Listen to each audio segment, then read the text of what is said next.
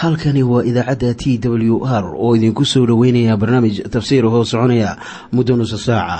Waxaana barnaamijkan codka waayaha cusub ee waxbaridda ah idiin soo diyaariya masiixiin soomaaliya.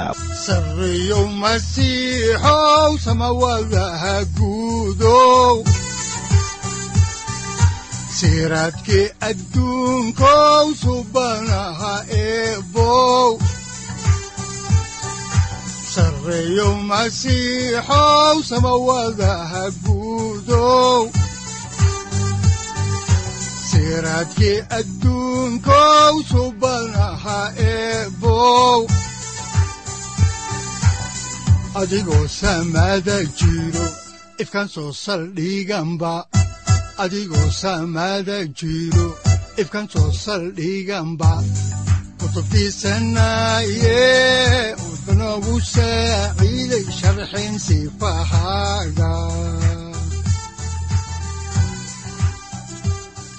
soo dhowaada dhegaystayaal barnaamijkeenna dhammaantiinba. Waxaan horay u sii ambaqaadi doonnaa daraasaadkii la magac baxay baibalka dhammaantii.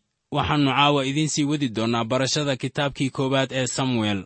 Wuxuuna kitaabkani ka hadlayaa isbeddel weyn oo ku imaanayay qaabka xukuumadda reer banu israa'iil.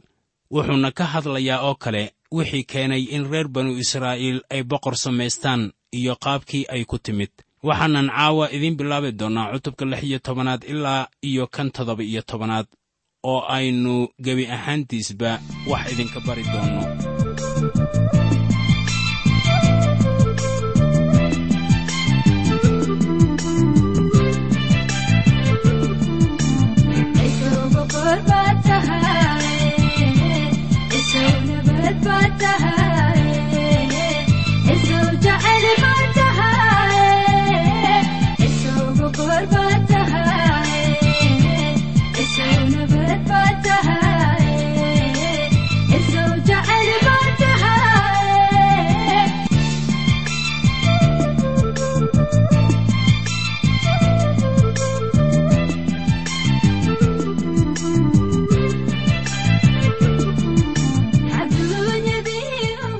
markii noogu dambaysay waxaannu soo gunaanadnay cutubka shan iyo tobanaad iyo samuel oo ka aarsanaya boqorkii reer camaleekh ee agag ahaa.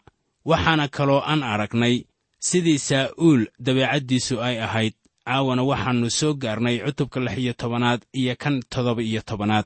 Mawduuca cutubkan lix iyo tobanaadina waxa weeye daa'uud oo boqornimada loo caleema saarayo ilaah wuxuu doortay daa'uud inuu ahaado boqorka beddelaya saa'uul wuxuuna samuel u dirayaa beytlaxam si uu ugu caleemo saaro boqornimada.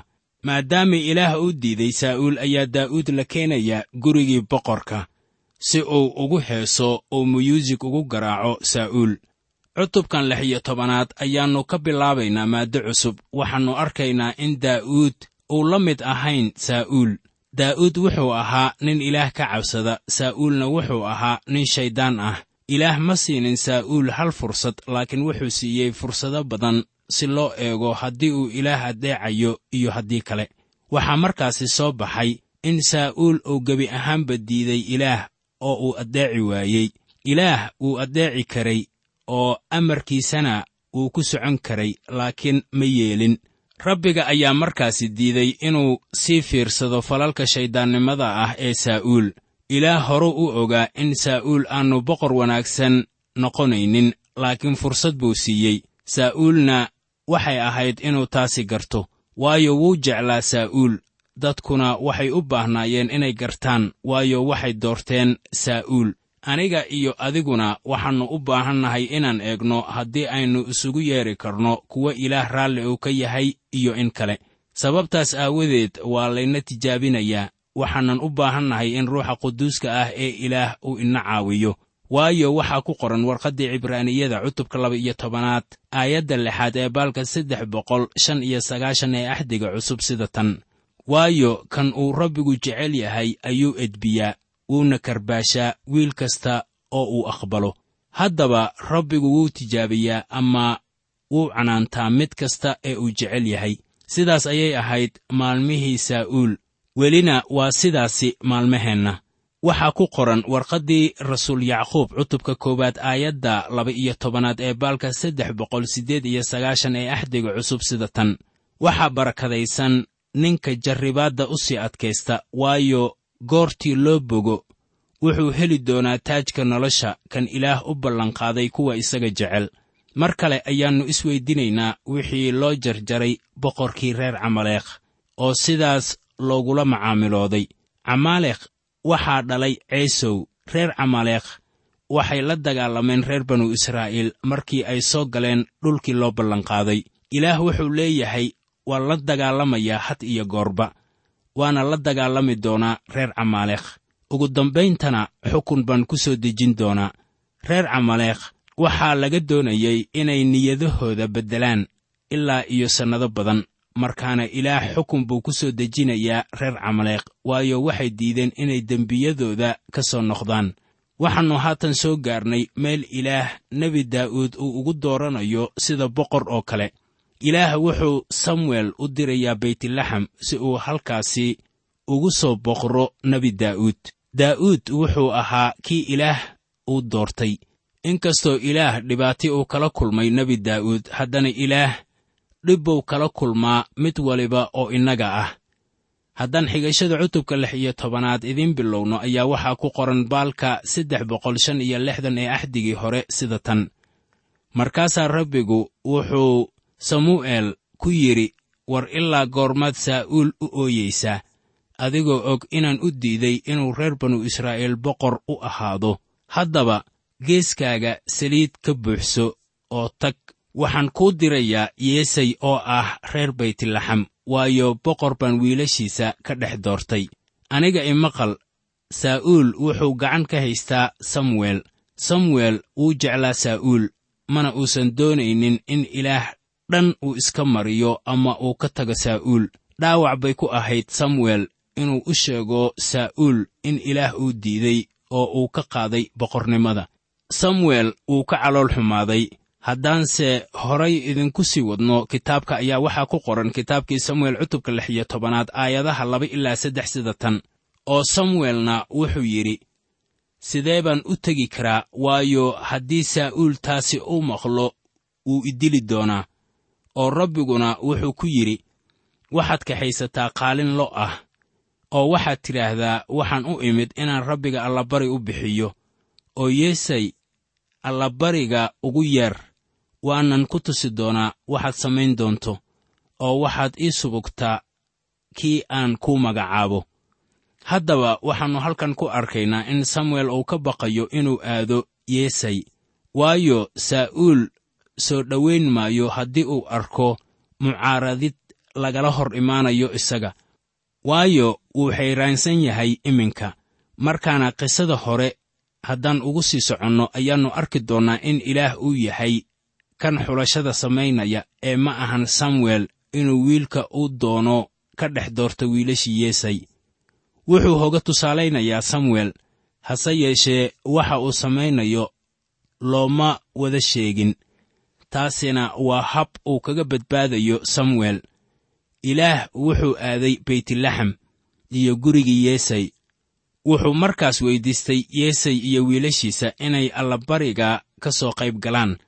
Haddaan horay idinku sii wadno xigashada kitaabka oo aan eegno cutubka lix iyo tobanaad aayadaha lix ilaa toddoba waxaa qoran sida tan. Oo markay yimaadeen wuxuu fiiriyey eli'aab oo uu yidhi hubaalkii rabbigu u subkaday ayaa hortiisa jooga. Markaasaa rabbigu wuxuu samuel ku yidhi ha fiirinin soo jeedkiisa ama dherarkiisa maxaa yeelay waan diiday isaga. Rabbigu wax uma arko sida dadku uu wax u arko waayo dadku wuxuu fiiriyaa muuqashada dusha. Rabbiguse qalbiguu fiiriyaa. Haddaba cutubkan ayaa waxaa lagu arkayaa qaynuunno ruux ahaaneed oo wax ku ool ah. Cutubka shan iyo tobanaad ayaa samuel wuxuu ku leeyahay saa'uul maqliddu way ka wanaagsan tahay baruurta wananka.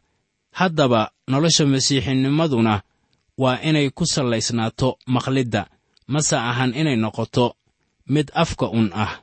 Markii ilaah uu ina soo eego saaxib wuxuu inaga eegayaa xagga qalbiga oo wuxuu begshamayaa uurka hoose samuel wuxuu arkay in eli'aab uu ahaa nin soo jeed qurxoon oo waxay la noqotay in kani uu yahay kii rabbigu uu u doortay inuu noqdo boqorka reer banu israa'iil u talinaya ee saa'uul ku xiga. Laakiin ilaah wuxuu ku yidhi samuel ma ahan inaad eegto soo jeedka oo qofka ha ku dooranin soo jeedkiisa. Aniga ayaana dooranaya haatan boqorka markaana yeesay wiilashiisii buu mid mid u hor keenay samuel. Samuelna wuu u caddeeyey yeesay wixii uu u yimid. Yeesayna wuxuu lahaa toddoba wiil iyagoo dhammina wuxuu soo hor istaajiyey samuel hortiisa.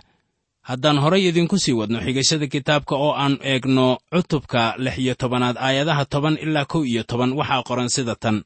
Yeesayna wuxuu samuel soo hormariyey toddobadii wiilashiisii ka mid ah markaasaa samuel wuxuu yeesay ku yidhi rabbigu kuwan ma dooran. Samuelna wuxuu yeesay ku yidhi war carruurtaadii halkan ma wada joogaan.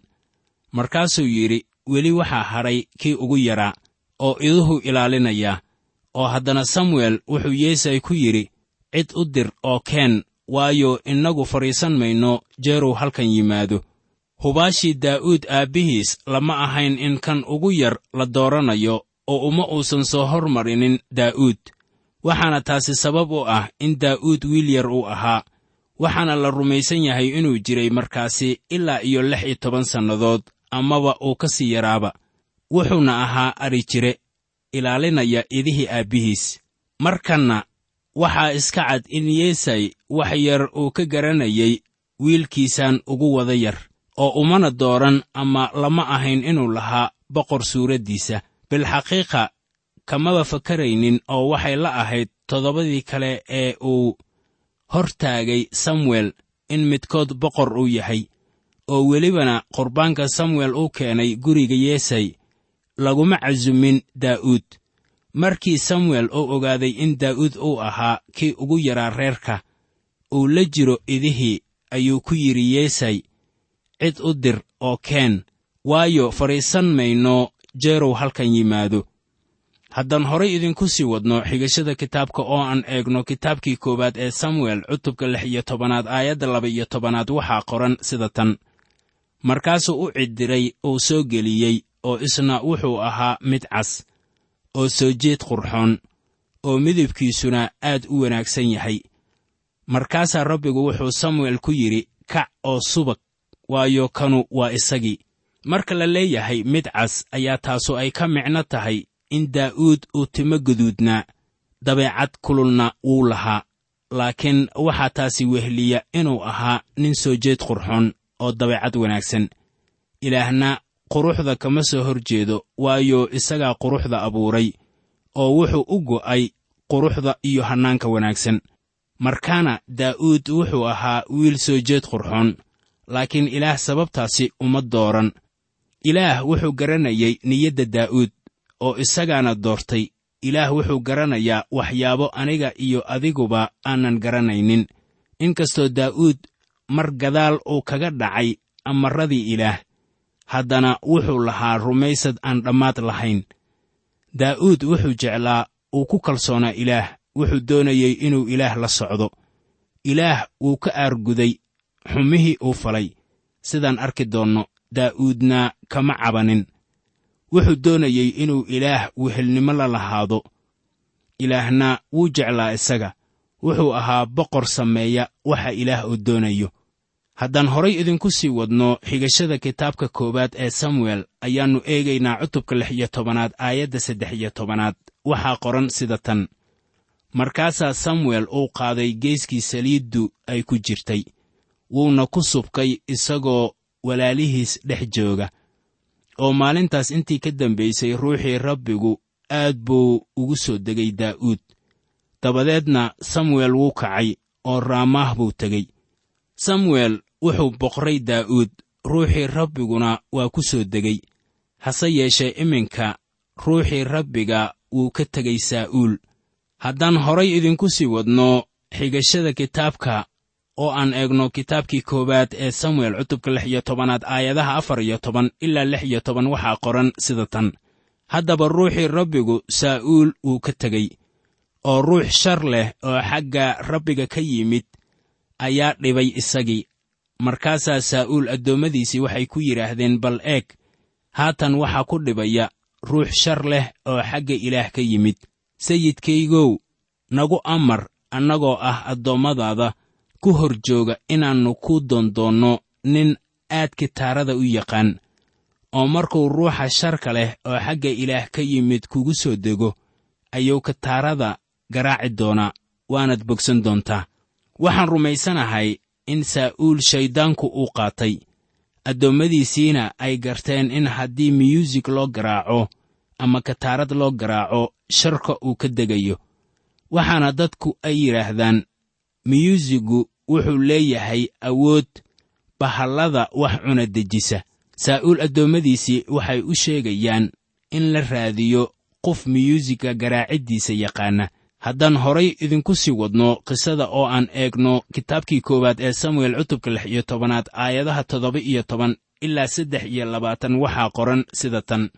Markaasaa saa'uul wuxuu addoommadiisii ku yidhi ii doona nin aad u yaqaan oo ii keena dabadeedna raggii dhallinyarada ahaa midkood ayaa ku jawaabay oo yidhi waxaan arkay yeesayga reer baytlaxam wiil uu dhalay oo aad u yaqaan sida kataaradda loo garaaco oo ah nin xoog leh oo dagaalyahan ah codkarna ah oo suurad qurxoon oo weliba rabbiguna wuu la jiraa.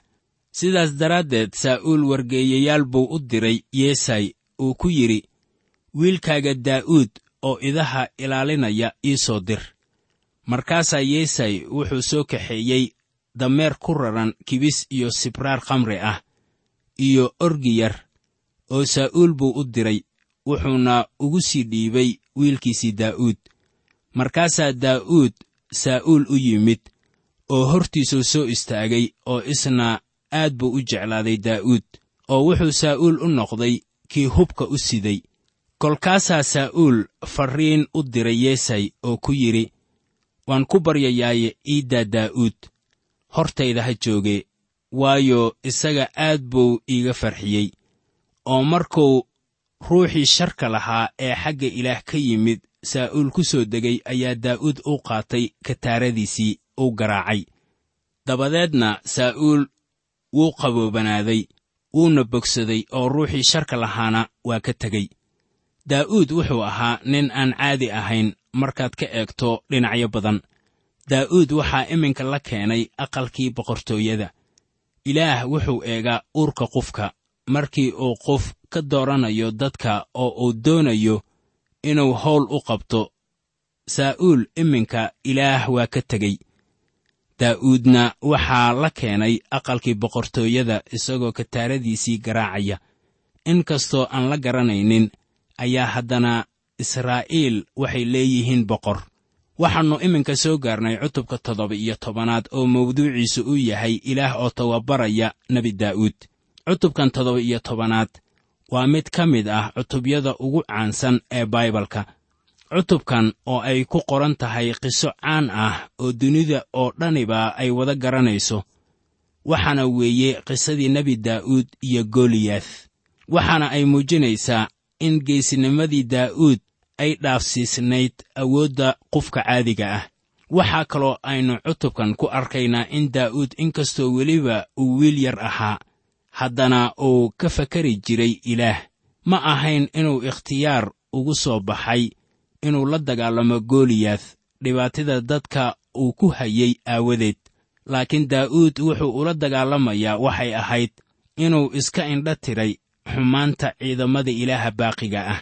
Markaan uu ka hor imaanayo cadowgiisa ayuu rumaysadkiisa saaranayaa ilaah oo wuxuu leeyahay sidaan ku arki doonno cutubka toddoba iyo tobanaad aayadda afartan iyo shanaad. Markaasuu daa'uud kii reer falastiin ku yidhi adigu waxaad ii soo qaadatay seef iyo waran iyo hoto. Aniguse waxaan kula imid magaca rabbiga ciidamada kaasoo ah ilaaha ciidamada reer banu israa'iil ee aad cadhaysiisay haddaan intaasi ku soo ekayno horudhaca cutubka ayaannu ku hormaraynaa maaddada ah daa'uud oo dilaya goliyaath waxaanan si dawaale ah u gelaynaa xigashada kitaabka koowaad ee samuel baalka saddex boqol toddoba iyo lixdan ee axdigii hore cutubka toddoba iyo tobanaad aayadaha kow ilaa labo. Waxaana qoran sida tan. Haddaba reer falastiin waxay soo wada ururiyeen ciidamadoodii oo dagaal isu diyaariyeen oo waxay dhammaantood ku soo wada urureen sokoh oo ay reer yuhuuddah leeyihiin oo waxay soo degeen efes damiin oo u dhexaysa sokoh iyo caseeqaah markaasay saa'uul iyo raggii reer banu israa'iilna isa soo wada urursadeen oo waxay soo degeen dooxada eelaah oo ay isu diyaariyeen inay la dagaalamaan reer falastiin israa'iil iminka dagaal baa ku furmay oo reer falastiin baa isku diyaarinaya inay la diriraan cadowgoodii reer banu israa'iil. Haddaan horay idinku sii wadno xigashada kitaabka oo aan eegno cutubka toddoba iyo tobanaad aayadda saddexaad ayaa waxaa qoran sida tan. Oo reer falastiin waxay soo istaageen buur dhinac ah. Reer banu israa'iilna waxay soo istaageen buur dhinacii kale ah oo waxaana labada qolo u dhexaysay dooxo labadan ciidan way ishor fadhiyeen. Iyaga oo dhaniba waxay doonayeen inay diriraan. Welina way ka cagajiidayaan waxaanad mooddaa inay weli sidii isku hor fadhiyaan ciidamadii israa'iil iyo kuwii reer falastiin. Haddaan horay idinku sii wadno xigashada oo aan ka eegno kitaabkii koowaad ee samuel cutubka toddoba iyo tobanaad aayadaha afar ilaa shan waxaa qoran sida tan. Oo waxaa xeradii reer falastiin ka soo baxay nin tiir ah oo magaciisa la yidhaahdo goliyaath oo reer gaad ah oo dherarkiisuna wuxuu ahaa lix dhudhun iyo taako oo waxaa madaxiisa u saarnaa koofiyad nuxaas ah dhar bir ahna wuu huwanaa oo dharka miisaankiisuna wuxuu ahaa shan kun oo shaqal oo naxaas ah. Haddaba waxaan ku soo koobayaa in goliyaath uu ahaa nin dherer badan oo waxaan qiyaasayaa inuu ahaa ilaa iyo sagaal fiid iyo sagaal enjis dherer ahaan wuxuuna ahaa nin weyn oo xoog badan. Reer falastiinna waxay doonayeen inay gacanta u geliyaan dagaalka goliyaath oo uu la diriro nin ay soo xusheen reer banu israa'iil. Haddaan horay idinku sii wadno qisada oo aan eegno cutubka toddoba iyo tobanaad aayadaha toddoba ilaa siddeed waxaa qoran sida tan. Oo samayda warankiisuna waxay la ekeed dheryasameeyaha looxiisa oo miisaanka afka warankiisuna wuxuu ahaa lix boqol oo shaqal oo bir ah oo waxaana hor socday gaashaan sidihiisii oo intuu soo istaagay ayuu ku qayliyey ciidamadii reer banu israa'iil oo uu ku yidhi war maxaad ugu soo baxdeen oo aad dagaal isugu soo diyaariseen? Soo anigu ma ahi reer falastiin idinna ma ahidiin addoommadii saa'uul haddaba nin iska soo doorta oo isna ha ii soo dhaadhaco. Haddaba maalin waliba ayaa goliyaath wuxuu soo jeedinayey in reer banu israa'iil ay nin la yimaadaan isaga la dagaalama oo ilaa afartan maalmood ayuu lahaa keensada wax ila dagaalama. Laakiin nin u soo baxa waa la waayey. Markaasaa daa'uud halkaasi u yimid isagoo caano u sida walaalihiis oo ciidamada ka mid ahaa. Daa'uud waxaa ka welweliyey inuuna jirin nin u soo baxaya goliyaath walaalihiisna waxay isku dayeen inay gurigii ku celiyaan laakiin daa'uud wuu diidey markii saa'uul uu maqlay in daa'uud uu la dagaalamayo goliyaath ayaa waxaa la siiyey dharkii cuslaa ee uu watay goliyaath kuwa la mid ah maadaama daa'uud uu ahaa wiil yar ayay ku adkaatay inuu qaato dharkaasi culus. Wuxuuna yidhi anigu qaadan maayo dharkan culus waayo weligay ma aanan xidhan waxaanse ku dagaalamayaa qalabkii rabbigu i siiyey. Waxaana halkaasi ka muuqanaya cashar wax ku ool inoo ah. Waxaana weeye inaynaan isku dayin inaan isticmaalno wax aanan garanaynin iyo wax aan laynoogu yeedhin haddii ilaah uu kuu yeedho waxaad isticmaali kartaa qalab waliba ee fudud oo aad haysato saaxib. Markaad ilaah u adeegayso daa'uudna wuxuu isticmaalayaa wixii uu haystay si uu ula soo dagaalamo cadowgan ilaah ee la yidhaahdo goliyaath haddaan horay idinku sii wadno xigashada kitaabka oo aan eegno kitaabkii koowaad ee samuel ayaannu hoos ugu daadegaynaa cutubka toddoba iyo tobanaad aayaddiisa afartanaad. Waxaana qoran sida tan. Wuxuuse gacanta ku qaatay ushiisii oo biyomareenkuu ka soo doortay shan dhagax oo siman oo wuxuu ku ritay kolaygii adhijirka ee uu haystay kaasoo ahaa qandigiisii oo warafkiisiina gacantuu ugu jiray markaasuu u soo dhowaaday ninkii reer falastiin. Haddaba dadka qaarkiibaa waxay rumaysan yihiin in daa'uud uu doortay shan dhagax si haddii uu kan koowaad la waayo aannu kan labaad ula waayin. Si markaa shantaasi uu mid ula helo daa'uud ma doonaynin inuu seereeyo shiishka amaba inuu la waayo shiishka. Sababtaasi aawadeed buu u qaatay shan dhagax. Waxaanse anigu idiin sheegayaa sababtii uu u qaatay inay ahayd iyadoo ay jireen afar wiil oo uu dhalay goliyaath oo halkaasi joogay. Wuxuu garanayey in haddii uu aabbahood dilo in wiilashuna ay imaanayaan markaana wuxuu horay u sii qaatay shan dhagax. Si haddii wiilashu ay yimaadaan uu iyana u dilo waxaan afarta kale qisadooda iyo sidii daa'uud iyo addoommadiisii ay u dileen ay ku qoran tahay kitaabkii labaad ee samuel cutubka kow iyo labaatanaad aayaddiisa laba iyo labaatanaad.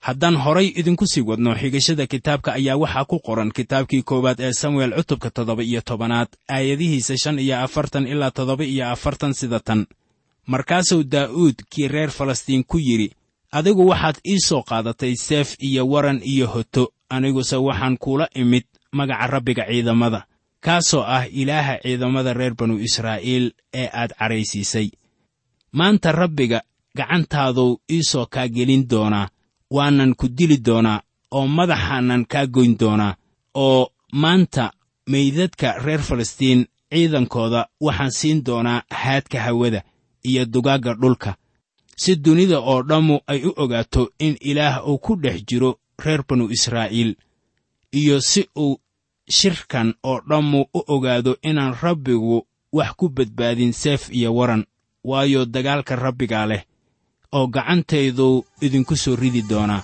Sarreeyo masiixow samawadaha guudow siraadkii adduunkow subanaha eebow adigoo samaada jiro ifkaan soo saldhiganba adigoo samaada jiro ifkaan soo saldhiganba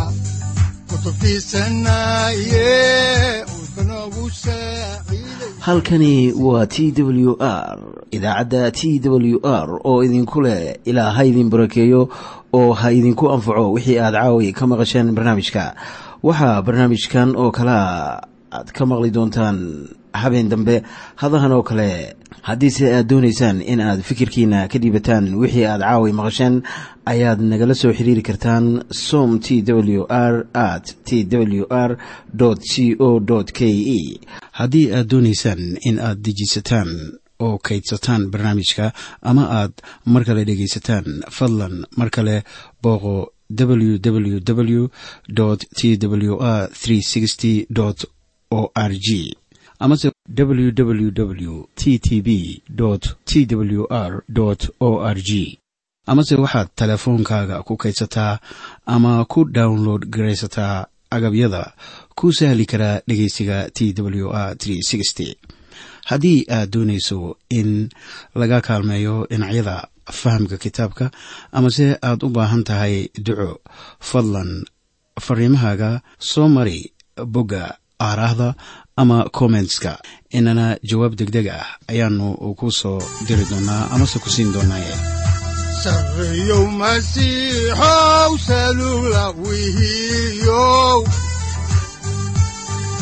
saacadda timid dhulka sabada ku dhalatiyo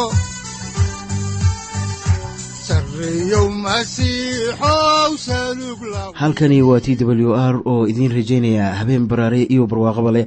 Inta aynu ka gaari doono wakhti aynu ku kulanno barnaamij la mida kan caawayay aad maqasheen. Waxa aan idinku leeyahay nabadda ciise masiix ha idinku badato xagga jidhka iyo ruuxaba. Aamiin